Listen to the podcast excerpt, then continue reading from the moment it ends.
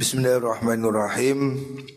Qala al-musannif rahimahullah wa nafa'ana bihi wa bi ulumihi fid dharain amin. Qala Allah Ta'ala wa la tansa nasibaka minad dunya. Lanjutan tentang bab ihsan dalam bisnis dalam muamalah. Allah berfirman wa la tansa nasibaka minad dunya. Jangan kamu lupa bagianmu dari dunia. Walatan ojo lali siro nasibaka ing bagian siro minat dunia saking dunia.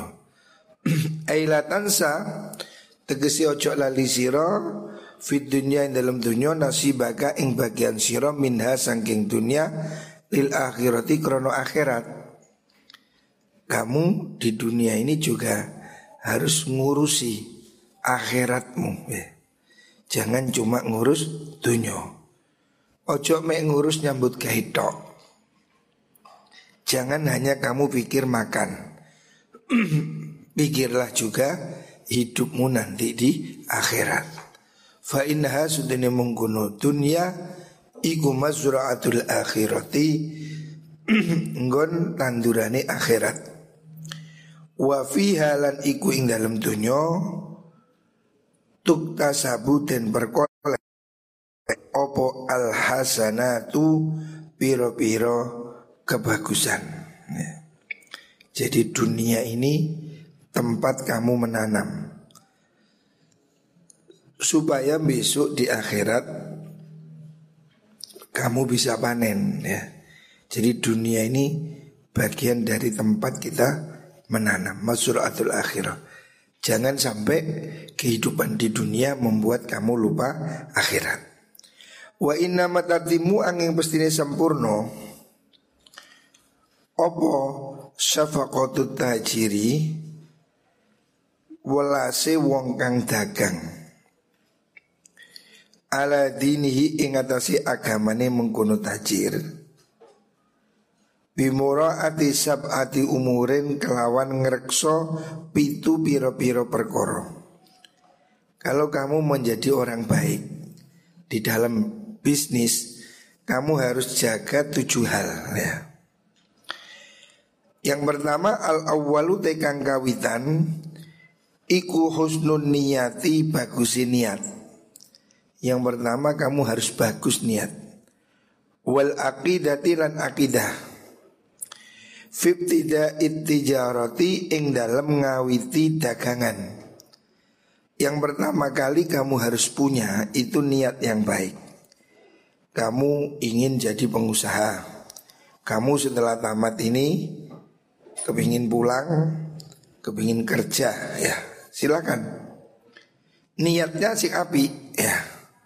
Falyanwi mongko becik niat sopo wong pihak lan mengkunuti jaro niyato al istighfafa ing amri karekso anis suali saking jaluk pertama yang kamu harus niatkan itu niat supaya kita bisa mencukupi diri. Niat supaya kita ini tidak yang yang minta minta. Ya itu yang pertama. Jadi kamu harus punya kerjaan kamu harus berusaha kamu harus menjadi awira usaha ya. Semua santri, kiai, semuanya ini harus mau bekerja mencukupi kebutuhannya. Pertama, niatnya bekerja. Kalau kamu kepingin bekerja, yang pertama kamu harus niat supaya kamu tidak jadi beban orang. Supaya kamu tidak minta-minta.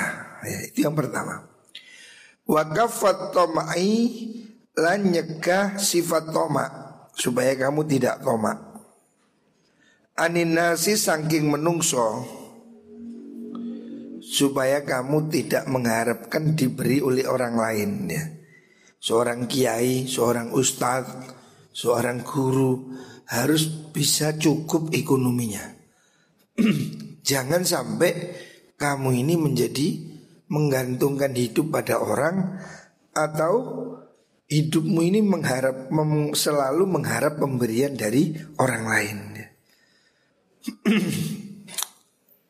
Istighnaan krono amri suki bil halali kelawan bondo halal anhum sangking mengkuno nas berusahalah kamu untuk mencukupi hidupmu dengan harta halal jangan sampai mencuri jangan sampai korupsi ya jadi kamu harus ada motivasi kerja ya kerja itu ibadah jadi kamu harus belajar Ya mulai kapan pun mulai hari ini Sejak kecil kamu harus sudah punyai mental kaya ya. Mental kaya itu apa? Jujur ya. Orang itu kalau mentalnya kaya Yang pertama dibangun itu kejujuran. Sebab kalau orang itu sudah mentalnya jujur Maka dia akan kuat jadi pengusaha. Dan dia akan berhasil. Tapi kalau sudah mentalnya tidak jujur Ini sulit. Sebab orang lain pasti akan komplain.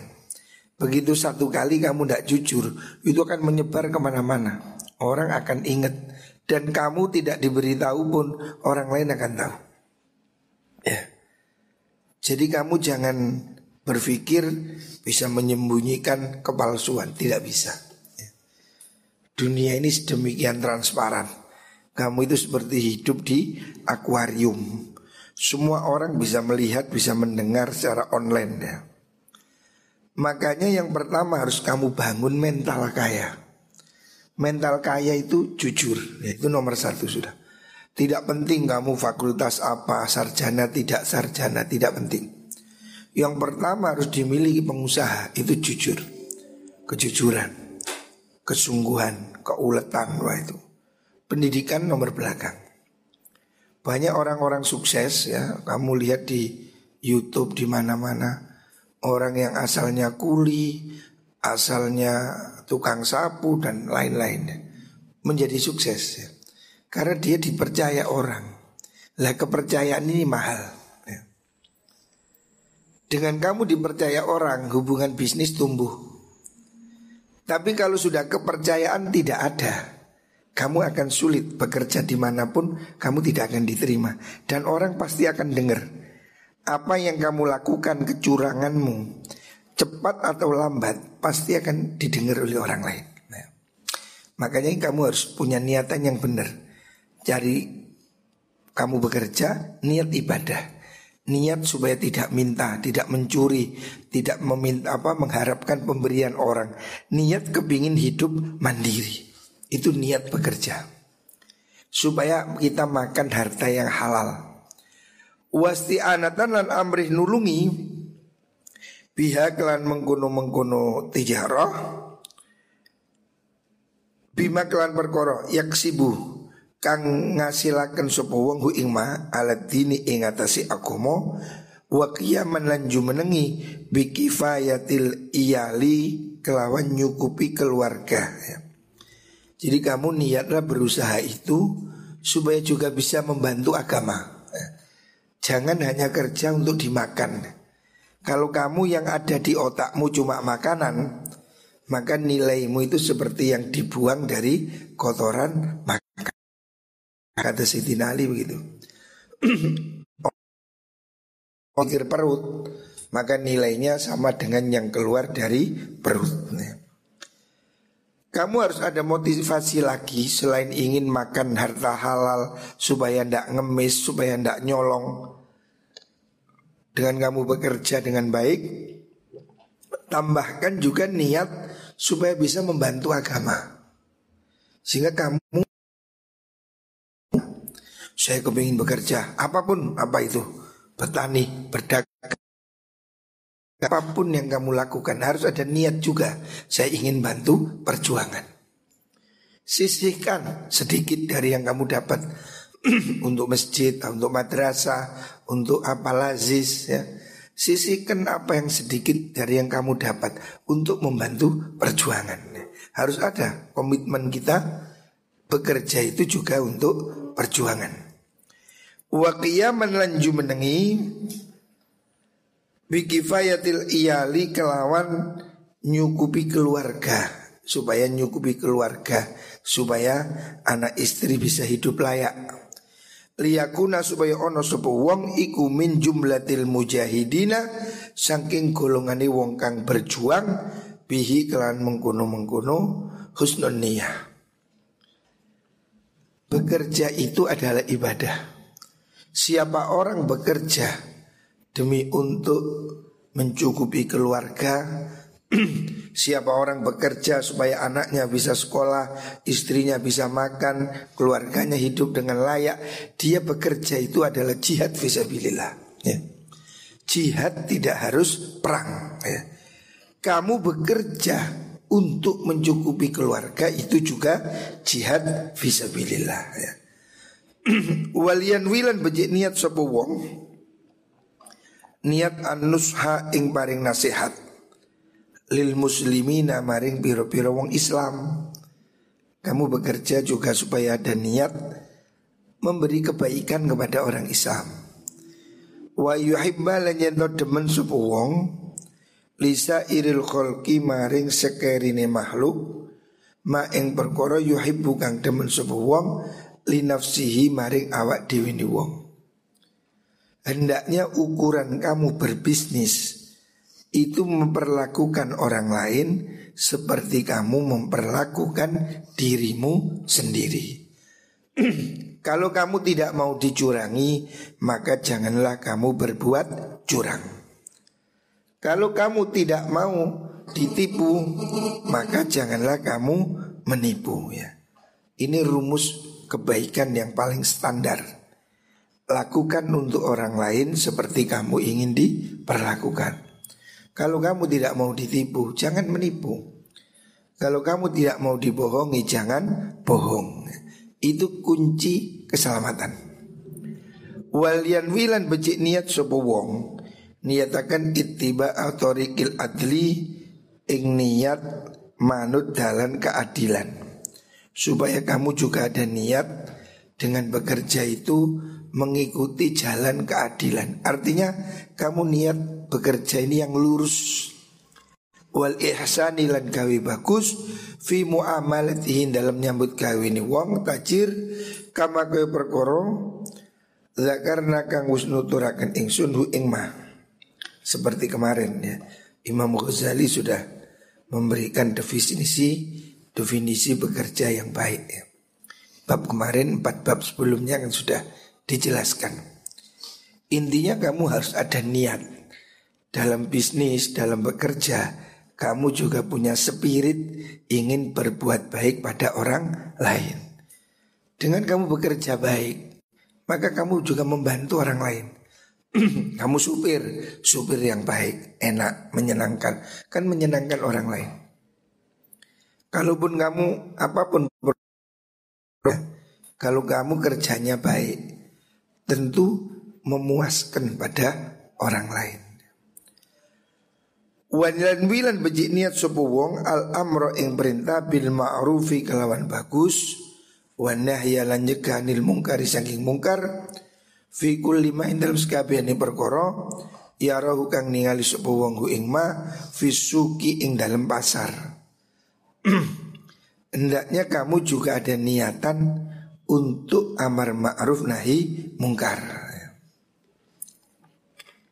Mungkin di pasar ada orang curang, ingatkan. Mungkin di pasar itu ada orang yang timbangannya nggak betul, dagangannya dicampur-campur, ingatkan. Jadi kamu di pasar itu juga punya misi amal ma'ruf nahi mungkar. Faida udmira nalikani den simpen. Opo Bundi Ma'asidki Ma'asidki serta ini jujur ya. Itu penting. Faida udmira nalikani den simpen. Utawa mengkuno admaro ya kene Nyimpen sopo wong. Maksudnya menyimpen di dalam hati. Hadhil aqaidah ing ila pira-pira Akidah wa niat ilan piro-piro niat karena mongko ono sapa wong iku amilan nyambut gawe fitorikil akhirati ing dalam dalam akhirat. Kalau kamu bekerja niatnya betul, Niatnya supaya tidak minta-minta Supaya makan barang yang halal Supaya tidak jadi beban orang lain Supaya tidak mencuri Supaya bisa nyukupi anaknya Supaya kerja kamu bisa tanggung jawab pada keluarga. Niat-niat seperti itu Membuat kamu bekerja tapi beribadah. Zohirnya kamu bekerja ya Macul, tani, dagang.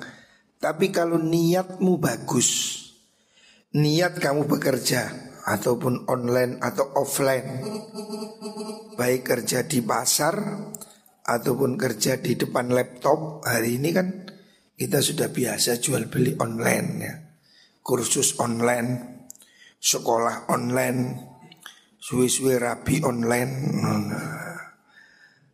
ke depan ini dunia ini akan semakin online. Hari ini mungkin sudah 30 persen bisnis ini sudah online. Ya makanan online, tiket, hotel, travel online, ya. belanja online.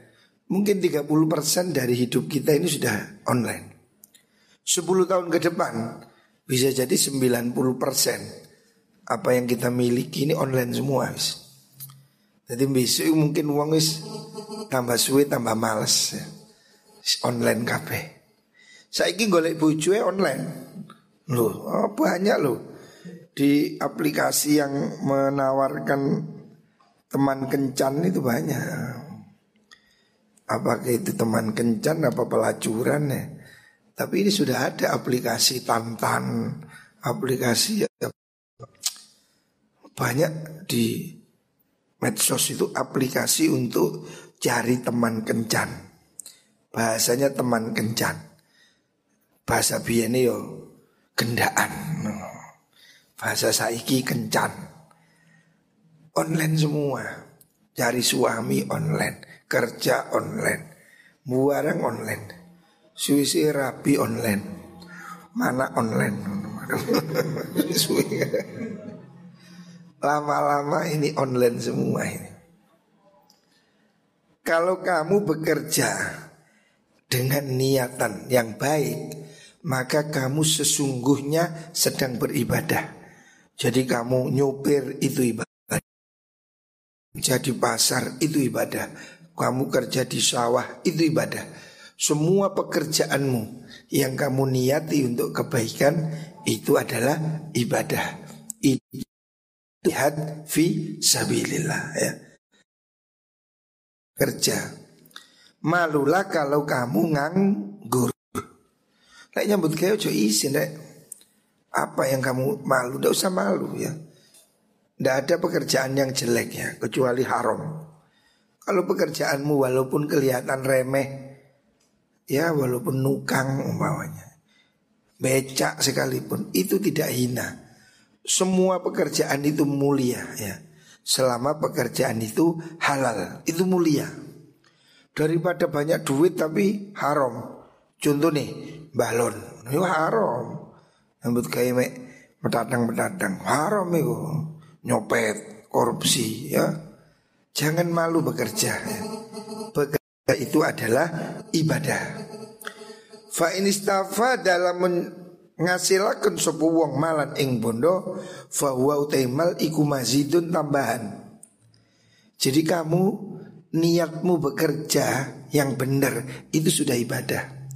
Kalau kamu bekerja itu nanti dapat upah atau dapat untung itu bonus ya. Jadi kamu kerja itu yang penting obao, ngenal. Fa inna fil harokah barokah. Kalau kamu mau gerak itu ada berkah sudah. Jangan banyak pertimbangan. Banyak orang ini nganggur, katanya but kai, kakian pikiran. Nanti kalau anu, durung dodol golek rugi. Loh, durung dodol kok dirugi. Makanya pengusaha-pengusaha itu banyak itu bukan orang pintar. Bapak nekat. Bakul-bakul pasar induk. Mungkin 90% itu duro-duro gak sekolah. Tapi nekat, kencang. Yo sukses. Sing sekolahan katanya nyambut kayak kakean pikiran. timbang-timbangan tok menimbang, menimbang, menimbang. Wong wis belayu saya tulinan timbangan, gak nyambut gawe, kakian timbangan. Banyak orang sukses itu tidak banyak pinter, tapi kekeh, kuat. Nah, itu yang membuat dia jatuh bangun dan berhasil. Tapi kalau orang pinter biasanya nyambut gawe golek sing penak. Lowongan, lowongan, lowongan. Ya wis gak nemu-nemu. Sing ngono mek lowongan di tikus. Nah, gak nemu. Hari gini nyari lowongan yo angel ya. Lowongan-lowongan. Ciptakan kerja. Bagus go goreng menis gampang. Gak perlu ijazah. Tapi kalau kamu kerja di kantor, tukang sapu ijazah SMA tukang sapu. Tapi kalau kamu jadi bos ya, Cik Ma itu mau kuliah di Harvard tidak lulus. Lima kali tes, lima kali tidak lulus. Tetapi setelah dia jadi pengusaha kaya Dia diundang memberi ceramah di Harvard. Karena suki Makanya katanya Cik Ma Kalau kamu kaya Entutmu ber berbau harum nah. Tapi kalau kamu miskin ucapanmu seperti kentut. Enggak direken. Cekma itu asalnya orang miskin kuliah di Harvard nggak diterima, kuliah di KFC nggak diterima, apa kerja di KFC nggak diterima. Hari ini dia mau jadi konglomerat, wah semua butuh sama dia. Harvard pun ngundang dia. Ya. Jadi tidak harus pintar. Kata kuncinya kerja itu tidak harus pintar, tapi harus kuat, tekun ya. Kata kuncinya itu tekun. Tidak ada yang bisa ganti tekun itu. Pinter pun tidak. Banyak orang pinter nggak kerja. Banyak orang bakat tapi gagal. Karena tidak tekun. Nah. Makanya ini yang harus dibangun supaya kamu kuat. Tidak mundur dalam bekerja. Yang pertama harus kamu bangun niatnya. Saya niat bekerja ini ibadah supaya tidak makan barang haram, supaya tidak ngemis, supaya tidak ngambil hak orang lain, supaya saya nyukupi anak istri saya. Ini semua niat ibadah. Supaya saya ikut bisa berjuang ya. Kecil atau besar kita bekerja ada yang kita sisihkan ya untuk perjuangan, untuk pesantren, untuk masjid, untuk apa? Loh, bekerja ini kamu sudah dapat pahala ya kamu bekerja dengan motivasi seperti ini ya. Ini sudah dapat pahala. Belum dapat untung, sudah dapat pahala. Nah nanti kalau kamu dapat untung, berarti itu bonus ya. Makanya kamu kerja, kerja terus oleh ganjaran gitu. Jadi tidak peduli nyambut gawe ojo kakean pikiran, engko kayak gak iso, engko kayak rugi, engko kayak apa mana? Kakean pikiran deh. Bisnya butuh kai. Saya dulu juga nggak tahu kerja apa. Saya pulang dari pesantren, nggak tahu kerja apa. Ijazah nggak punya. Saya ini nggak punya ijazah. Waktu itu ya, saya ini mondok di Lirboyo. Lirboyo ini pondok dinia. Ijazahnya itu statusnya bukan diakui, tapi diridhoi. Ya, ndak ada ijazahnya tulisannya Arab. Saya untuk bisa kuliah lagi itu harus harus ujian lagi, sekolah lagi. Tapi saya tidak mikir ya. Yang penting saya harus bekerja ikhtiar. Ya sudah, saya pergi ke pelasemen pabrik gula kerepet. Coba bayangkan, saya ini lulusan pesantren, anaknya kiai, pergi ke pelasemen. Ya aneh di pelasemen itu diketawain sama orang pelasemen. Loh, langgare ngalih nang pabrik. Saya bilang saya mau kerja. Ya sudah, saya duduk di situ belajar. Ya bisa. Ya. Jangan malu. Kalau nuruti malu yo ya gak mangan kon luwe ya. Makanya jangan malu kamu bekerja apa pun jangan malu ya. Karena kamu harus ada niat ibadah. Itu yang penting. Sudah yang penting ikhtiar. Bismillah. Hasil ke hasil Bismillah dulu Kerja si Lakonono si Dan kamu bertahan di situ Dari 10 orang yang buka toko Setelah 6 bulan Itu yang meneruskan cuma tiga tujuh tutup.